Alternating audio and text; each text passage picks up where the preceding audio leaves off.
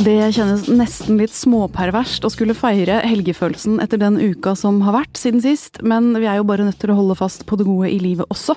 Til å hjelpe oss med det har vi en ganske enkelt helt nydelig gjeng i studio. Hun kalles dronningen av arktisk elektronika og har en stemme som er beskrevet som ren magi. Velkommen, Anneli Drekker. Hei, takk. Der har vi den, ja. Eh, komiker, skuespiller og skribent Jon Niklas Rønning, nå er det lenge siden sist. Mm, godt å være tilbake igjen. Veldig fint å ha deg her. Og filosof og skribent Kaja Melsom. Fint å ha deg her også. Takk for det. Jeg har lyst til at Vi skal starte med et sånt rundebordsspørsmål til dere alle som går på et av dagens temas. Eh, har du noen gang hatt en venn som har hatt helt feil kjæreste, sånn at du har tenkt 'stakkars deg, det her kommer aldri til å gå bra', nå har du gjort et skikkelig elendig valg av person å dele livet med?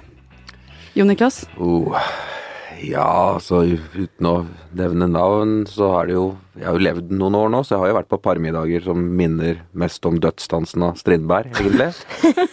At Møter med par som innrømmer at de ikke har hatt fysisk kontakt siden Rybak vant Grand Prix. ikke sant? Ikke sant? Det, forakten har liksom hvilt over parmiddagsbordet innimellom, og jeg har tenkt hva i all verden er det disse to ser i hverandre? ikke sant? Men det er en slags sånn insistering. En sånn, det virker som de går for Guinness rekord i råttent samliv på en eller annen måte. Og da tenker jeg, hvorfor tør jeg ikke si fra? ikke sant? Så jeg, det stemmer nok, ja. Det stemmer nok at jeg har, har opplevd det, og kanskje også vært innom det selv innimellom også, ja. Kaja? Mm, jo, jeg kjenner meg veldig igjen i den følelsen av å sitte på en parmiddag, og hvor du til slutt bare må be paret om å slutte å være så irritabel og Ja, hvor stemningen er virkelig uggen. Men jeg har alltid vært redd for å begynne å blande meg i valget av partner, for jeg tenker jeg har vært så dårlig på å velge partner selv at jeg vil bare slå tilbake på meg selv. Så Anneli, har du grepet inn noen gang? Sagt til en venn eller venninne at uh, nå må du trekke deg unna, og det er litt faderlig fort? Nei, det er morsomt, eh, fordi at jeg har tenkt å gjøre det i morgen, så har jeg tenkt å ta den praten med ei venninne. men, men nei, det, jeg gjør det litt på etterskudd, for at nå er det jo over. Så nå skal jeg ha den derre Ja, at hva var det jeg sa? Eller jeg har egentlig ikke sagt det, men jeg skal prøve å få til å forstå at det aldri kunne ha funka. Du har egentlig ment det i noen år? Ja, altså det er jo litt fjernt at jeg aldri sa det, men det var så obvious da. Det var så obvious. Men nå har jo kjærlighetssorg. Vil, min mor lærte meg nå det at man skal aldri tråkke på noen som ligger nede da. Sånn at nå er Og det var ikke bare det at han typen gjorde slutt, men så døde han McDreamy også på Grace Anatomy. det var liksom samme dag! Så jeg må på en måte la henne bygge seg litt opp. Men selvfølgelig, jeg så den komme. Uh, jeg er veldig flink til å ta imot folk som har gjort det slutt, for jeg, jeg, ser jo at det blir å skje, at det ikke blir å vare da. Så, så jeg, jeg, er veldig sånn fint sånn beredskap å ha der, der ute. Mm. Da, da, kommer jeg for fullt. Du er klar med psykologisk støtte? Uh, ja, men jeg ser, det, jeg ser det lettest på par jeg ikke kjenner. Så hvis jeg er ute på Ikea og ser folk som diskuterer teppevalg og sånt, så ser jeg at det her blir aldri å funke. Uh, og der kan jeg se det. Kan du få litt lyst til å gå Og det er en spennende tanke. Du ser noen som står og krangler over teppet på Ikea. Ja, du får lyst til å vil bare skyte inn. Dere kommer aldri til å vare. Ja, ja, det er nesten sånn. Jeg har gått forbi og bare kremt og bare gjort sånn Da himla med øynene og sånn. Så ja. Jo Niklas, du har rett og slett skrevet en spalte om dette, som står på trykk i VG hele denne uka her. Ja. Eh, hvor vi er inne på dette her. Vi ser det, vi vet det. Eh, både med de vi kjenner og kanskje med de vi ikke kjenner. Men vi sier jo ikke fra! Eh, og særlig til de da vi kjenner godt. Hvorfor tør vi ikke å ta den praten? Det er jo en sånn gigantisk elefant i rommet. Eh, når man møter eh, venner eller bekjente eller familiemedlemmer som er i forhold som helt åpenbart ikke funker, og ikke har funket på veldig, veldig, veldig mange år, og kanskje aldri. Eh, jeg tror det har noe med dette følelsen av at vi skal ikke blande oss inn i andres liv, men, men på en måte vi, vi, redder dem jo ikke fra deres egen ulykke. Noe som jeg syns vi skylder vennene våre. Når vi tross alt da Vi deler alt i livet og, og sånt, men vi, vi, vi, sier ikke fra om at vet du hva, jeg tror du ødelegger livet ditt med å være sammen med den personen du er sammen med. Ikke sant? Og det og det handler jo om store ting, som at uh, det er rett og slett psykopatiske trekk hos partneren som, som vi andre avslører, men som, som, da den som lever sammen med vedkommende, unnskylder hele tiden. Og i min spalte så tar jeg utgangspunkt i, i denne Jarlsberg-reklamen, hvis dere har sett den. så jeg tenkte var sånn et sånn, sånn ja, popkulturelt eksempel på en sånn fyr som da blir da så satt ut av at partneren kjøper vanlig gulost framfor Jarlsberg At han maler om rommet, han bytter ut bikkja. Han, han legger en ny mann i senga for å psyke ut denne dama. Og vi heier jo på denne Jarlsberg-nazien, men vi, jeg mener hun, hun burde løpe. Man kan ikke være sammen med en sånn fyr. Gulost er gulost. Det er ikke så viktig som det, altså. Men hva, hva skal til da? For du, altså, du snakket om forakt tidligere. Når man helt sånn åpenbart det er forakt i en eller annen retning i et Mm. forhold. Den ene har bare negative ting å si og signalisere om den andre. Og så har du psykopaten. Hvilke andre ting er det som er sånn i- ting man ikke kan unnskylde i venners forhold? Nei, det er jo hvis, hvis man vet at en av partene har vært utro, og du sitter ved bordet og du vet det, ikke sant, og andre vet ikke noe i det hele tatt, alle rundt bordet vet det. Det, det har jeg opplevd, og det er jo utrolig ekkelt. Og ingen sier jo ifra. Det er jo det som er kjipt. Um, eller man burde jo det. Jeg, jeg tenker generelt at eh, folk eh, gjerne, folk som ikke passer sammen, gjerne finner sammen. Og det er akkurat som det er en slags eh, naturlov der. Mm. og det morsomme er at eh, det er noen filosofer som har kommentert dette og mener at her er det biologien som spiller inn. Da. Fordi det er jo, vi treffer hverandre først og fremst for å få avkom, ikke sant, fra, fra naturens side. Eh, og da er det viktig at avkommet blir noenlunde balansert. Sånn at hvis en f.eks. er veldig aggressiv, eh, så er det viktig at den personen får barn med en som kanskje er eh, veldig sånn eh, Rolig og nedpå. rolig og nedpå. Eh, for å, men dette blir jo kjempeproblem i forholdet, så vi er på en måte et offer for biologien her, da. Som vil ha balansert avkom. Og det gjør at vi tiltrekkes eh, det motsatte av de egenskapene og feilene vi selv har, da. Ja, det er en veldig interessant. Ja, det er kjempe- Ja, det visste jeg ikke. Altså, jeg, det, for det forklarer jo veldig mye. Eh, ja, ja, absolutt. Og det, det er jo det jeg hører fra folk, er jo at de unnskylder jo disse motsetningene med å si at eh, at det er viktig at vi er sammen fordi vi utfyller hverandre. Mens psykologer og parterapeuter, bl.a. i dette NRK-programmet Bør de gifte seg, sier at personlighet er nærmest urokkelig. Og er dere for ulike på type varme, eh, utadvendthet, innadvendthet, hvis dere er for ulike på de punktene, så bør dere egentlig eh, splitte istedenfor å prøve å påvirke den andre til å ligne på deg. For det vil aldri skje. Og det er min erfaring også, ikke sant. At, at eh, du møter da par hvor den ene da er veldig utadvendt og alltid er med på fest, og unnskylder den andre sånn han var litt syk i dag. Det, det passet ikke helt til. Og så sitter den andre alltid hjemme og er sur, og den andre er alltid ute og er glad. Ikke sant?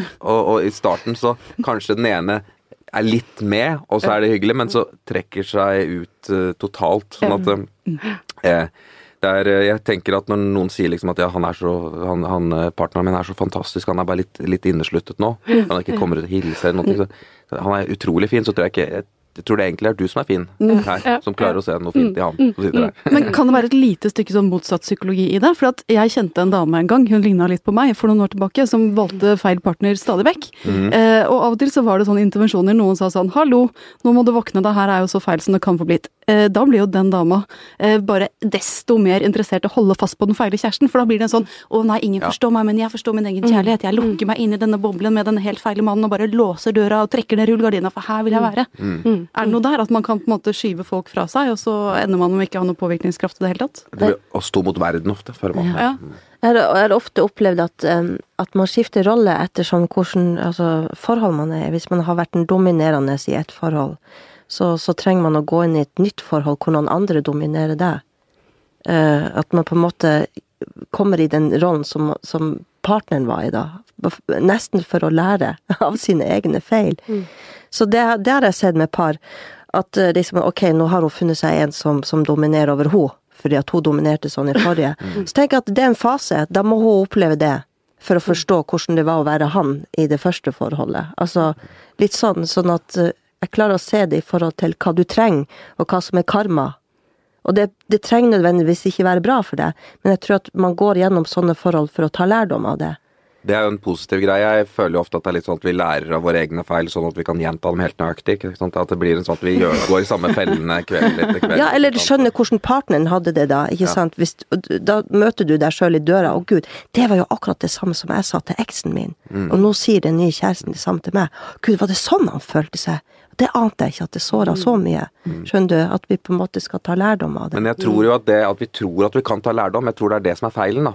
For jeg tror at eh, det er noen par som matcher, og som utfyller hverandre, og det blir lett, og det blir enkelt å leve, og det blir nydelig å møte hverdagen. Mens andre er alltid eh, et problem. Det nytter ikke å Samme hvordan du kommer inn i, i, i en krangel, så klarer du ikke å endre vedkommende. Mm. Jeg tror kanskje feilen er at vi stoler altfor mye på følelsene våre. Vi, vi, blir tiltrukket av noen, gjerne vår motsetning, vår rake motsetning, en vi ikke ville blitt venn med engang. Mm. Uh, så, men så er vi lært opp til at det er følelsene her, det er de vi skal lytte til. Uh, og vi stoler blindt på dem. Og hvis man får sånne kommentarer som du nevnte, Marte, om at uh, dette her er ikke liv laga, du burde skygge unna den typen eller, mm. eller dama, så tenker vi nei, nei, følelsene mine, det er sannheten. Da, da blir liksom da får følelsene enda større tyngde. Ja, Det som er interessant også, er jo at uh, dette var noe Sissel Gran snakket om uh, i en, i en uh, podkast en gang som jeg syns var veldig interessant. Hvor hun sa at i de forholdene hvor det er veldig mye krangel og veldig sterke følelser og mye avvisning, og så tar man inn, partneren inn i varmen Man føler man blir avvist, og så tatt inn i varmen, avvist, tatt inn i varmen. Det, det, det, liksom det, gjør at følelsessystemet er veldig aktivert. Mm. mm. Og, et, og, det er veldig forferdelig å føle på det. Men i ettertid så tenker man at jeg følte jo så sterkt, mm. altså må de sterke følelsene være kjærlighet. Mm. Mm. Vi glemmer at det er vonde følelser, som, mm. men vi, vi, tenker at det er følelser. Og mm. følelser er ensbetydende med kjærlighet. Ja. Jeg tenker at de, disse vanskelighetene og utfordringene man Alle kjenner sånne stormfulle par som alltid har svære krangler, og så blir de venner igjen. Mm. Altså masse følelser. At alle de utfordringene som de opplever og kanskje skaper da, de er med på å uh, styrke begjæret og lidenskapen, mens sånne harmoniske par som alltid er venner og alltid er enige, de er kanskje, de er kanskje har det litt døvere i senga, for å si det ja. Men det, det verste er at det stemmer jo ikke det heller, ikke sant. For det, det er jo etter hvert så blir det som ofte da, så mye forakt at man ikke nesten orker å ta på hverandre engang. Og det, det er jo det jeg ser. Man blir da som i Dødsdansen av Strindberg. Ja. Eh, og så er det jo den biten hvor det rett og slett forholdet dør ut, ja. og alle i omkretsen vet at, eh, som du sa, Anneli, det har vært utroskap, det har vært ditt og datt, og så bare prøver man å maskere det med et sånn derre høflig samliv hvor begge er stille. Ja. Og da tenker jeg alltid på den Woody Allen-replikken i Annie Hall at uh, et forhold er som en hai som alltid må være i bevegelse, ellers så dør den. Og, og At de kanskje bør innse at forholdet er en død hai. ikke sant? Mm, mm. Du, du, sier det jo så fint, uh, Jon Niklas. Uh, dette er en type sånn uh, pacemaker-forhold som mm. trenger, trenger, massiv støtte for det hele tatt å gå rundt. og det, det, er ikke sånn hjertet skal banke. Hvordan skal hjertet banke? Kan jeg spørre deg om det sånn på tampen? Uh, ja, altså jeg, jeg, jeg, legger merke til at i de forholdene som, som begynner å dø ut, så, så, slutter folk å pynte seg for hverandre. Uh, hater samboeren som slenger klærne på soveromsgulvet. Gidder ikke å snakke om drømmene lenger, men det blir snakket om med venner istedenfor med partneren. Man gir hver, hverandre sånne praktiske bursdagsgaver uten kort, ikke sant. Eh, slutter å gå på fest sammen, eller gå på fest hele tiden uten partneren, ikke sant. Eh, er ikke interessert i vennene, eh, eller litt for interessert i vennene og for lite interessert i partneren. Det er mye sånne ting som, som skjer, så jeg mener at eh, Vær Møt kjærligheten med inspirasjon, glede. Det skal være enkelt å, å være partner, det skal inspirere.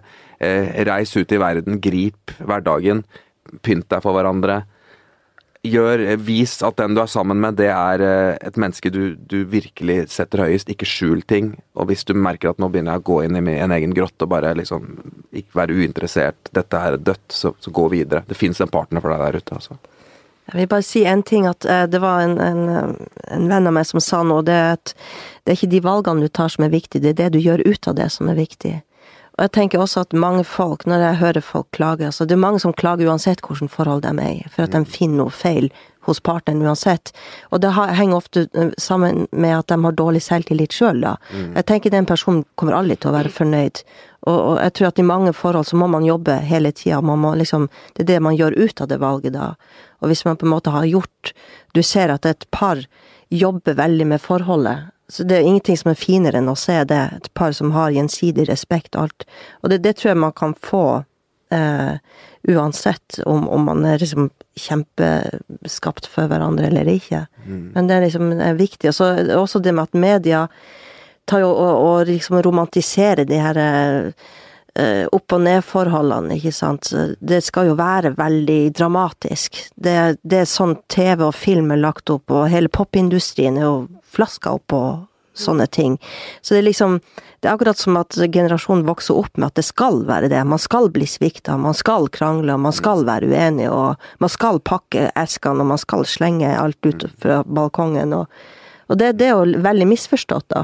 Fordi at et forhold er jo til syvende og sist bygd opp på gjensidig respekt og vennskap. Så hvis man ikke har det i bunnen, så har man på en måte ingenting.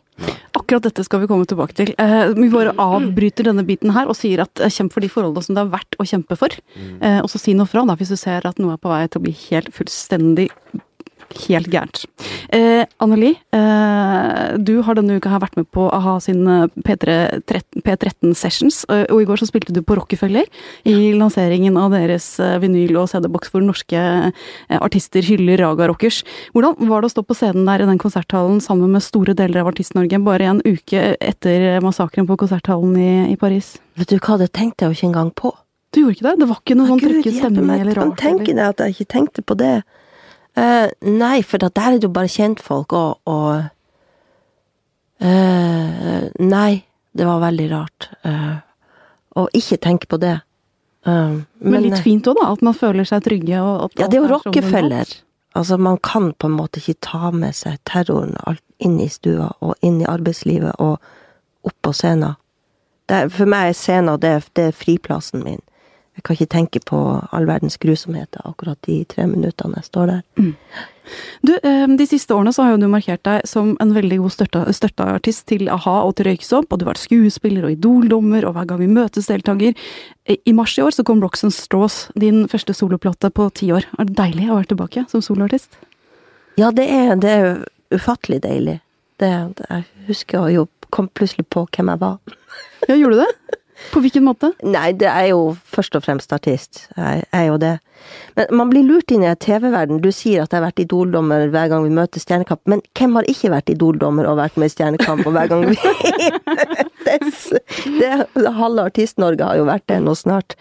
Um, det er jo noe med den eh, TV-verdenen som er veldig forlokkende, da. Fordi du blir så utrolig godt tatt vare på i den TV-bobla av disse TV-assistentene, og alt er så hyggelig. Så får du honorar du får liksom fast lønn, og så er det utrolig lærerikt. Eh, og jeg har sagt de tre programmene du nevnte da, det jo, har jo med musikk å gjøre. Så jeg har sagt nei til masse TV-program som ikke har med musikk å gjøre. For det syns jeg blir for teit. Mm. Skal vi stupe, har du Ja, ikke sant. Skal vi stupe. Fire retters middag, vet du, det får jeg liksom ja. veldig ofte.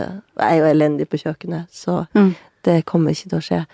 Uh, ja, så det er utrolig deilig å være tilbake, og jeg hadde, jeg hadde, ikke et behov for å gi ut en plate bare for å gi ut en plate, selvfølgelig, det sier jo seg sjøl, siden det har tatt ti år. Mens eh, nå så følte jeg at jeg hadde noe, noe fint mm. å, å, dele med publikum. Var det annerledes å stå på scenen som uh, soloartist når du er 46, enn når du er 36 eller 26, eller uh, Du begynte jo så tidlig som 16-17? Ja, det har med belysning å gjøre. Jeg vil ikke ha den der grelle spotten på meg lenger. du går litt mer inn i skyggene? Ja. For det var, jeg og Åse Kleveland backstage i Rockefeller, har du vært der med de kjipe spottene rett ned? Så vi bare sånn flytter oss litt sånn unna dem, da. Så de unge de er ikke bevisst på det, men vi var litt sånn Nei, jeg skal ikke stå under den grelle spotten. Jo da, jeg ser jeg har um, jeg vet ikke, jeg er jo den samme innvendig. Uh, og nå har jeg ikke laga sånn uh, superkommers-plate. Jeg gir det ikke ut på EMI lenger, det gjorde jeg jo med den forrige. Og da, på coveret var det jo liksom Photoshop-arbeider, og, og med en gang jeg bikka 40, så mottok jeg en god del kommentarer på at skal du fortsette i bransjen, du da? Så, ja, du gjorde det? Ja. Så, men nå har jeg alibi, og det er piano. Nå sitter jeg ved et piano og spiller. Og da får jeg plutselig lov til å være 46. Mm. Det er noe med det. Da, da, da, er det plutselig legitimt. Hva syns du om det? Gjør du deg litt sinna, eller bare aksepterer du det? Nei, jeg, jeg, jeg, føler meg mye mer komfortabel med det. For det er et eller annet med å stå der klint opp mot mikrofonstativet hele tida. Med mindre du har like lang pannelugg som Sissel Endresen, mm. og liksom du har noe å skjule deg bak, så Og du er utrolig begava jazzvokalist som hun. så, så, kan du gjøre det. Men å stå der for å synge, eh, det er noe med Det har ikke noe med meg å gjøre. It's not me, it's you. Det er popkulturen nå. Mm. Med eh, Idol og Voice og alt at at eh, det handler om heter ekshibisjonisme, da, på en måte. Det er for mange vakre og glatte mennesker der ute. Ja, jeg får, og jeg får også de tankene, liksom. Å gud, jeg er jo stygg, hvorfor står jeg her og synger? Hjelpe meg. Altså, man får jo de tankene. Eh, men så er jeg så mye i jobben. Jeg har jo jobba mye som skuespiller. Og jeg har liksom lært meg å være in character, og ikke være Anneli Drecker på scenen. Og det mener jeg alle popartister bør gå på et sånt teaterkurs og få kjeft fra uh, sinte regissører og bli sensurert og Og 'Du kommet fem minutter for sent for kostymeprøve', ikke sant. Bare eh, få jekka seg litt ned, og, og også på en måte kjenne på den friheten da det er å stå uh, på scenen og synge, uh, og gjøre ting utafor komfortsona, men ikke stå til ansvar for det, fordi at du er ikke Anneli Dreker. Du er Alhildi Hamsuns Feber eller Kristi Brud eh, i Knutby, eller ei bikkje, Totto, i Trollmann fra Ost utrolig frigjørende. Sånn at hvis jeg føler at jeg blir litt for selvbevisst, og gud, nå ser jeg, å, jeg skulle ikke ha den her på meg, så går jeg på en måte i sånn Da bare fokuserer jeg på teksten og på sangen. Mm. Og så er jo det mye viktigere.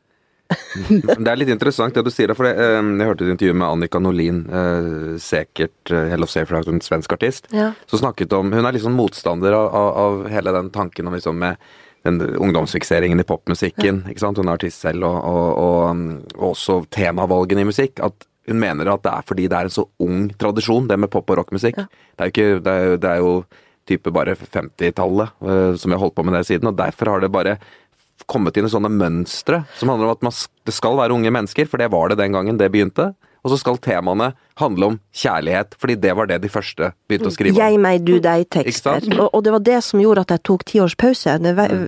at, det er fint at du nevner det, for at jeg var lei av jeg, meg, du, deg-tekster mm. i urbane strøk. Mm. Og da jeg kom over disse tekstene av Arvid Hansen, da, så handla det ikke om meg lenger. Det handla om noe som var utafor meg. Og da følte jeg at ok, det her kan jeg stå inne for.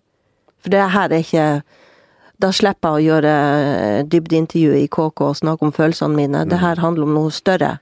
Og det, det er en brytningsfase, kanskje. Ja. ikke sant? At nå er vi lei av det, det er gått så lenge hvor vi synger om det samme hele tiden, ja. hvor alle ser helt like ut. Så hvem sier at alle artister skal være strømlinjeformede og, og synge om kjærlighet, og, mm. og være 25 år og, og, gjøre rare bevegelser i rampelyset, liksom? Det, ja. det, jeg tror at vi er i en tid hvor vi er et mangfold er, er viktigere? Ja, jeg håper jo det. For når man tenker på sånn synthpop-kulturen altså det er jo på en måte, Nå blir jo det vi kvinner vi blir jo den første eldre generasjonen der.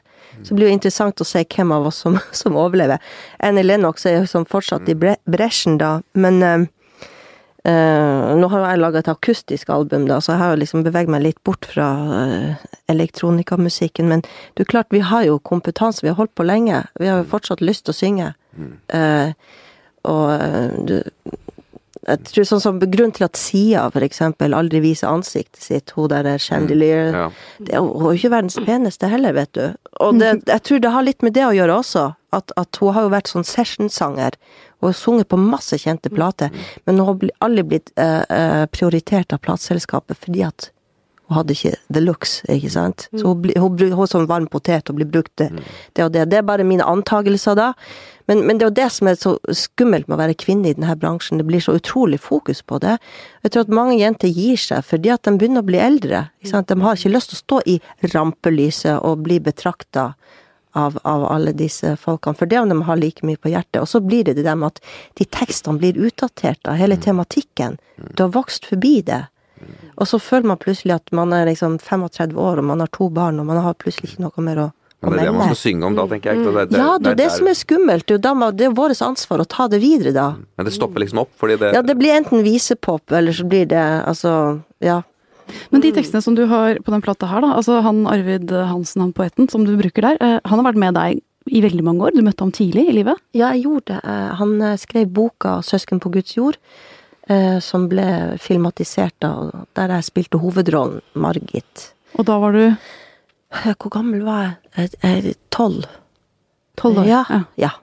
Og da fikk du sansen for hans tekst og hans uh, Ja, jeg leste en god del av bøkene hans, jeg syns det var så fine bøker. Uh, og det var også sånn, han skrev masse ungdomsbøker og, og, diktbøker. Og så fikk jeg heldigvis møte han også, da, og han gjorde kjempeinntrykk på meg.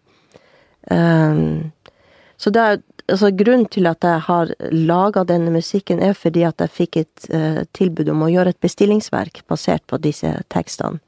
Så det var ikke noe jeg fant ut av meg sjøl, da. Jeg fikk liksom en, en, bunke med tekster i hendene, sånn oversatt til engelsk av Arvid Hansen. Og det var jo en gudegave for meg, for jeg hadde bodd i Tromsø i to-tre år, og jeg tenkte hva skal jeg, hva skal jeg gjøre? Jeg hadde sittet ved piano og spilt og, og, og følte at jeg ville fortelle noe nytt, da. For hvis jeg skulle gi ut plate, så ville jeg si noe som var viktig for meg. Så det var liksom ikke låtmaterialet det sto på, men det var liksom tekstene. Det, det stoppa der, da. Så når jeg så tekstene til Arvid Hansen, så tenkte jeg yes. Hva er det som stemmer med dem? Hva er det som gjør at de funker? Nei, det handler om eh, identitet, nordnorsk identitet. Og det som jeg faktisk har vært veldig opptatt av, som jeg snakka om i intervjuet lenge før jeg fikk de her tekstene, det at eh, vi har på en måte ikke kontakt med naturen lenger. Vi har ikke naturlig omgang med naturen. Vi, bare, ser bilder av det på Instagram. Ja, ja, vi poster veldig, men vi vet ikke hva den mosesorten der heter. Vi vet ikke hva den blomsten heter. Vi vet ikke hva det treet heter. Vi vet ikke hva fuglene heter engang.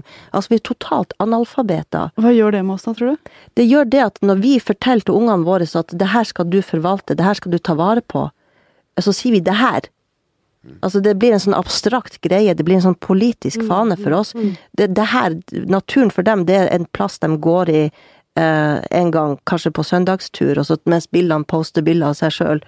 Og så har man liksom vært ute i naturen, men vi bruker jo ikke naturen.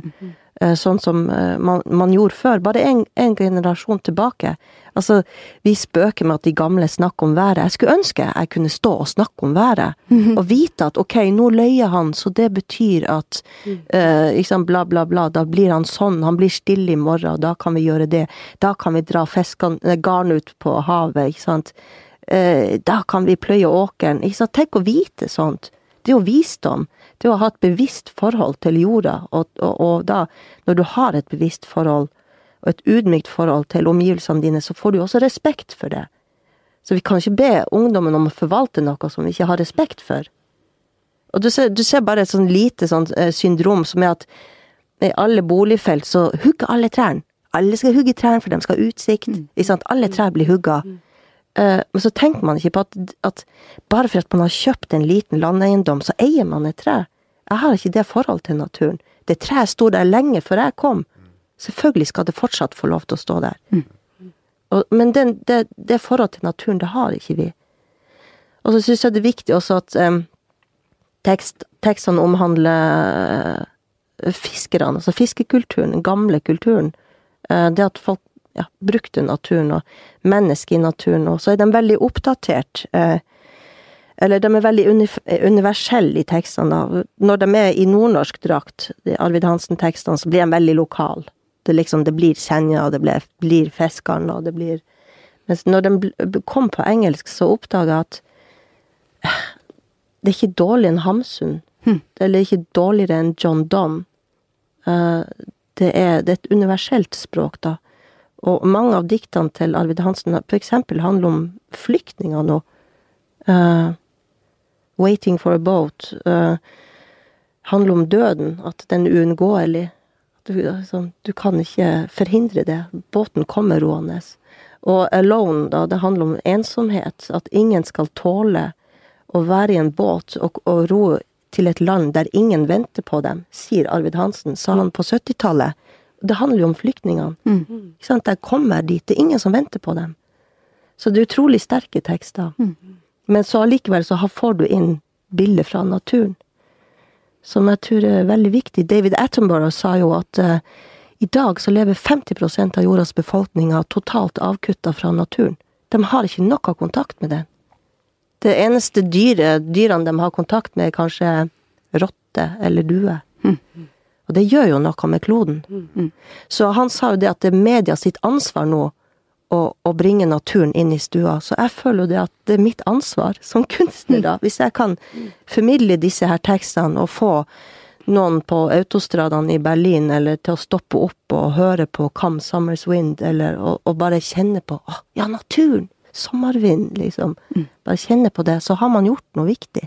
Det er i hvert fall viktigere enn jeg, meg, du, deg-tekster. Nå kjente jeg at eh, det blir søndagstur denne helgen med Ja, sånn jeg kjenner- Flora Flora-bok. Vi skal peke på både Lege-Veronica og Kartlov, det skal jeg love deg. Tusen takk for at du tok oss med inn i denne, denne hvert fall, eh, naturdelen av denne samtalen. Uh, Kaja, vi skal videre til deg, uh, og tilbake til romantikken og lidenskapen som vi egentlig starta med. fordi at du skriver jo på en bok for tida som handler blant annet om gøye ting som romantikk og begjær og lidenskap og lyst, men i et filosofisk perspektiv. Um, og hvis jeg sier her er ti råd som skal få romantikken til å blomstre og begjæret til å koke i det ellers litt sånn kjedelige kjærlighetsforholdet ditt, Mm. da får du litt sånn lette kvalme fornemmelser, eller?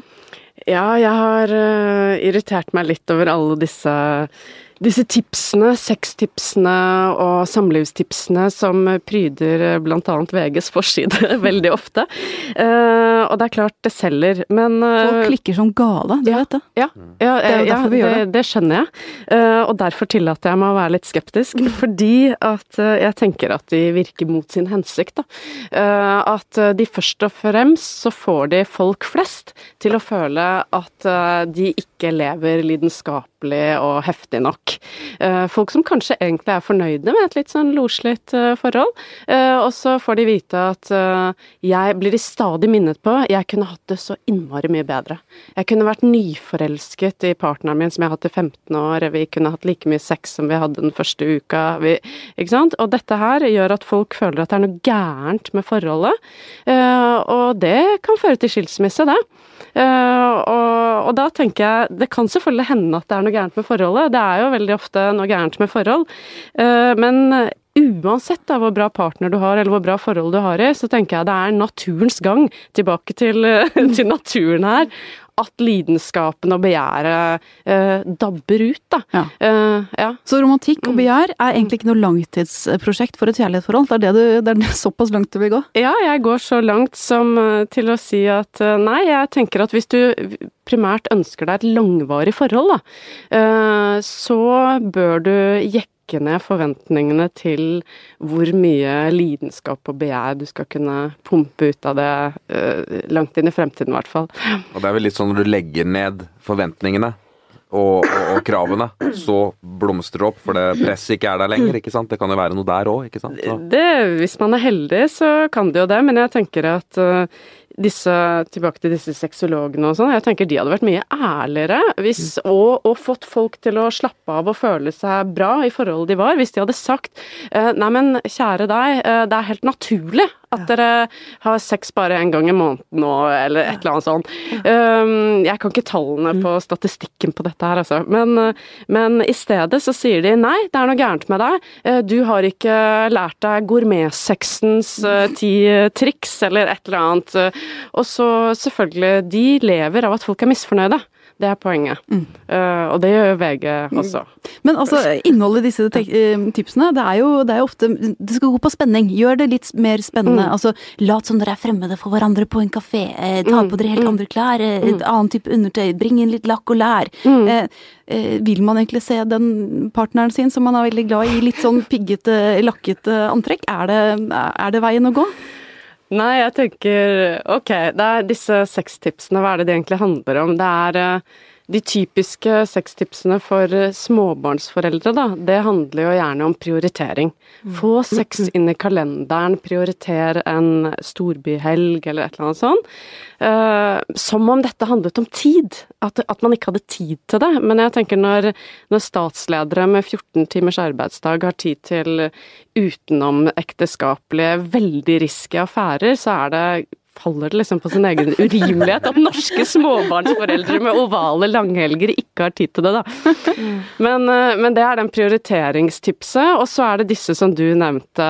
Ja, skap spenning, lat som dere møtes på en kafé og ikke kjenne hverandre, eller kle deg opp i lakk og lær osv.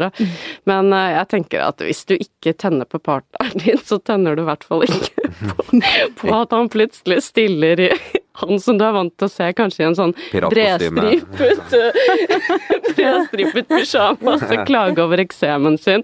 Plutselig stiller han med naglehalsbånd og, og Men er det ikke litt sånn at hvis du begynner å snakke om parterapi, så er egentlig forholdet over? Og hvis du begynner Jo. å snakke om disse tingene her, så er egentlig personen død også? Ikke sant? Jeg tenker det. Så, tenker så det, er, det. er jo noe der, Ja. tenker jeg. Men, men altså eh, la oss eh, tenke oss da at forholdet egentlig er ganske fungerende i bånn, men det har gått inn i en eh, dårlig rutine. Det er et dårlig mønster dere imellom. Men, men egentlig er respekten der. Men, og det er ikke noe forakt å spore, egentlig, men det er bare at man er blitt for vant til hverandre. Er for sliten. Prioriterer feil. Prioriterer jobben. Prioriterer heller å gå på byen med venner eh, på fredag istedenfor å eh, sitte sammen og, og drikke vin foran peisen. Altså, det kan være eh, noe i disse tingene som pressen skriver om at det er viktig å sette av tid. Eh, jeg tenker i f- Jeg tror det hjelper med man må ikke til Farris bad nødvendigvis. Jeg ser jo disse eh, som du, Jeg har spilt på Farris bad noen, eh, ved noen anledninger. Da ser jeg jo disse slitne parene som sjekker inn med voldsomme forventninger eh, til hva, hva helgen skal bringe. Så ender det opp at de spiser buffé, og så sover de, og så ser de på PayTV eller et eller annet sånt noe. Men det, det, er jo, det er jo kanskje det presset som ligger da over det paret om at nå det er liksom noen som står med stoppeklokka og sier nå skal dere ha sex minst tre ganger, hvis ikke så funker dere ikke som par. Det er helt enig. Sånn fungerer det ikke. Det, det må på en måte være en jevn strøm, og man må senke forventningskravet. Men det er noe annet uh, der kontra det jeg skriver om, som handler om par som ikke fungerer overhodet, men som kanskje hadde en sånn eksplosiv, erotisk start, da, nettopp på grunn av, av at motsetninger tiltrekker hverandre. Det er de som ikke kanskje får lidenskapen til å blomstre igjen med disse tipsene. De blir verre og verre. De graver seg enda lenger ned. Men det at vi hele tiden jager etter den eksplosive eh, romantikken, da, eh, lidenskapen som skal være der, er det, er det en misforståelse? Burde vi liksom mer over i å se på verden litt annerledes? eh, Litt som man gjør i andre kulturer, hvor det er fornuften som styrer, og ikke det derre jaget etter de sterke følelsene. Er det det du mener? Jeg tenker at ja, det kan du godt Altså, mitt poeng er at eh, jeg tenker at et forhold behøver ikke å være uh, helt dødt, selv om lidenskapen har begynt å flate ut. Jeg tenker at uh, sånne sterke følelser, de vil naturlig, og som begjær og sånn Altså, begjæret vil jeg tenker, det er en filosof, da, Pascal Bruckner, han sier at en av de største illusjonene i vår tid, det er at begjæret varer. At lidenskapen varer. Eh, og det er jo bare å se rundt seg. Det varer ikke. Hvorfor er folk utro, da? ikke sant? Uh, og det er noe med at langvarige forhold, de uh, krever De næres av ting som er døden for begjæret. Eh, hvis du skal dyrke et langvarig forhold, så må du dyrke tillit, eh, trygghet osv. Ting som vi alle ønsker oss, ikke sant? Eh, alle ønsker det. Eh, eh, men det er døden for begjæret. Begjæret Se på eh, arkeforestillingen av romantisk kjærlighet av Shakespeares Romeo og Julie. Hvorfor er, de så, hvorfor er det så lidenskapelig? Hvorfor er det så hot? Det er jo nettopp fordi det er umulig. Fordi det er uoverstigelige vanskeligheter. Fordi det er masse utfordringer. Motsetninger på alle alle kanter. Ja. Så jeg tenker at det vi prøver, når vi prøver å realisere et langvarig forhold hvor begjæret skal eh, være på topp, hvor det er idealet, da, det romantiske kjærlighetsidealet, at blodet skal fortsette å bruse livet ut, så prøver vi på en eller annen umulig syntese.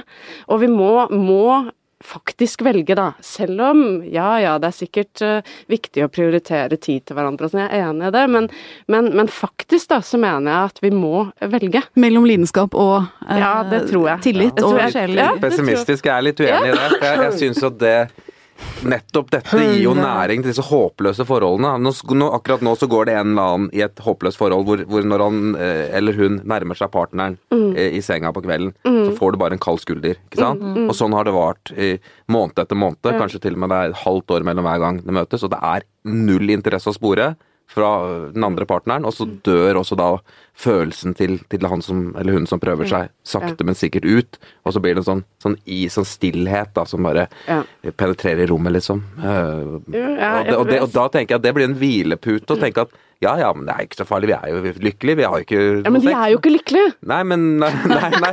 men det er, hvor, er, hvor, går, hvor går det her, liksom? Anneli, eh, hva tenker du som Nei. utenforstående her? Nei, jeg er ikke Jeg, jeg, jeg synes at jeg, jeg tror at par kan være lykkelige fordi om de ikke har sex på et halvt år. Jeg tror at et forhold er bygd opp på mange ting. Eh, og, og på respekt, hvis de har en hverdag som funker, hvis de har et vennskap. Hvis det her er tema, eksempel, hvis den andre er sjuk eller er inne i en depresjon eller et eller annet. Så det handler om å gi hverandre rom. Et halvt år er jo veldig lenge, da.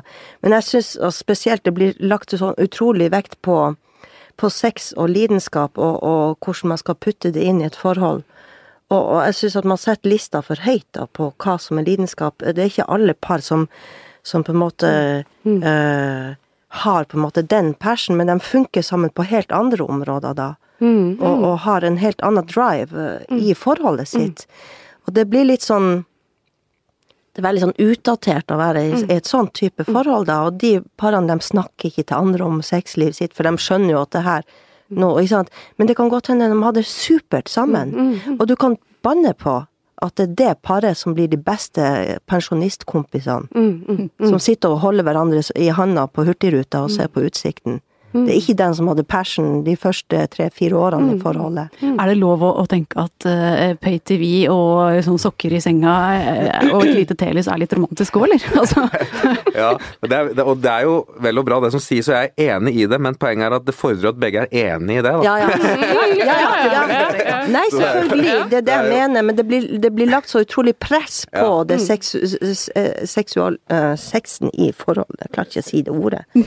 Eh, så, så jeg tenker at eh, for man skal jo også være et par eh, når man er eldre også, på en måte. Ja Mm. At man ser at man har kommet gjennom de periodene også, hvor det, hvor det var dødt. Men ikke sant, en romantisk eh, ting kan jo bare være å skrive en lapp til hverandre, ikke sant. Altså bare gjøre noe for hverandre. Eh, brette sammen klærne for hverandre. Altså sånne små ting i hverdagen som, som på en måte andre folk ikke gidder, fordi de har lidenskapelig sex. Ja. Men men vi, vi går ikke så langt at vi erklærer sexen som død i forhold. Vi trenger, vi trenger noe Vi er da dyr i, i bunn og grunn òg. Vi trenger jo noen form for sånn eh, La oss si fysisk bekreftelse fra den vi er sammen med også, ikke sant? Jo da. Ja, det handler vel egentlig mer om fokus, da. At folk liksom Ja. At et 50 år gammelt par som kanskje ikke har det hotteste sexlivet, skal føle seg mislykka fordi de ikke lever opp til et eller annet Mm. sånn ungdommelig ideal som er basert på hvordan vi funker de første ukene av en forelskelse. Det er jo helt på trynet. Å skape mange misfornøyde folk, da. Jeg leser jo alltid de der, er- jeg er helt på andre siden, for jeg leser alle de der sexundersøkelsene som skal ha sex minst eh, tre ganger i uka. Ja. Så er så lite, tenker jeg. Da fikk jo jo Niklas Wittgen lansert sitt libido på slutten av sendingen. Nå føler jeg helgefølelsen er i grunnen innført med dette. Ok, ok. Eh, noen tips til folket eh, før vi går ut i helgen. Eh, ha mye sex eller lite sex, Kaja? Ah, jo, ha mye sex eh, så lenge det varer. Og så gå tilbake til partneren etterpå. Anneli, vil du ha siste ord? Uh, En søndagstur etter sexen? ja, gå ut i naturen og finne ut hva trærne het. Å ha sex mellom stammene hvis du absolutt på død og liv vil. Det er fint. Eh, takk til dere. Det var en eh, fantastisk fest av en sending. Takk til Magne Antonsen, vår produsent. Vi høres igjen neste uke. Mye sexprat her, det? Ja ja, men det er jo Det vil ha opp. det er det, det, er det, det er det.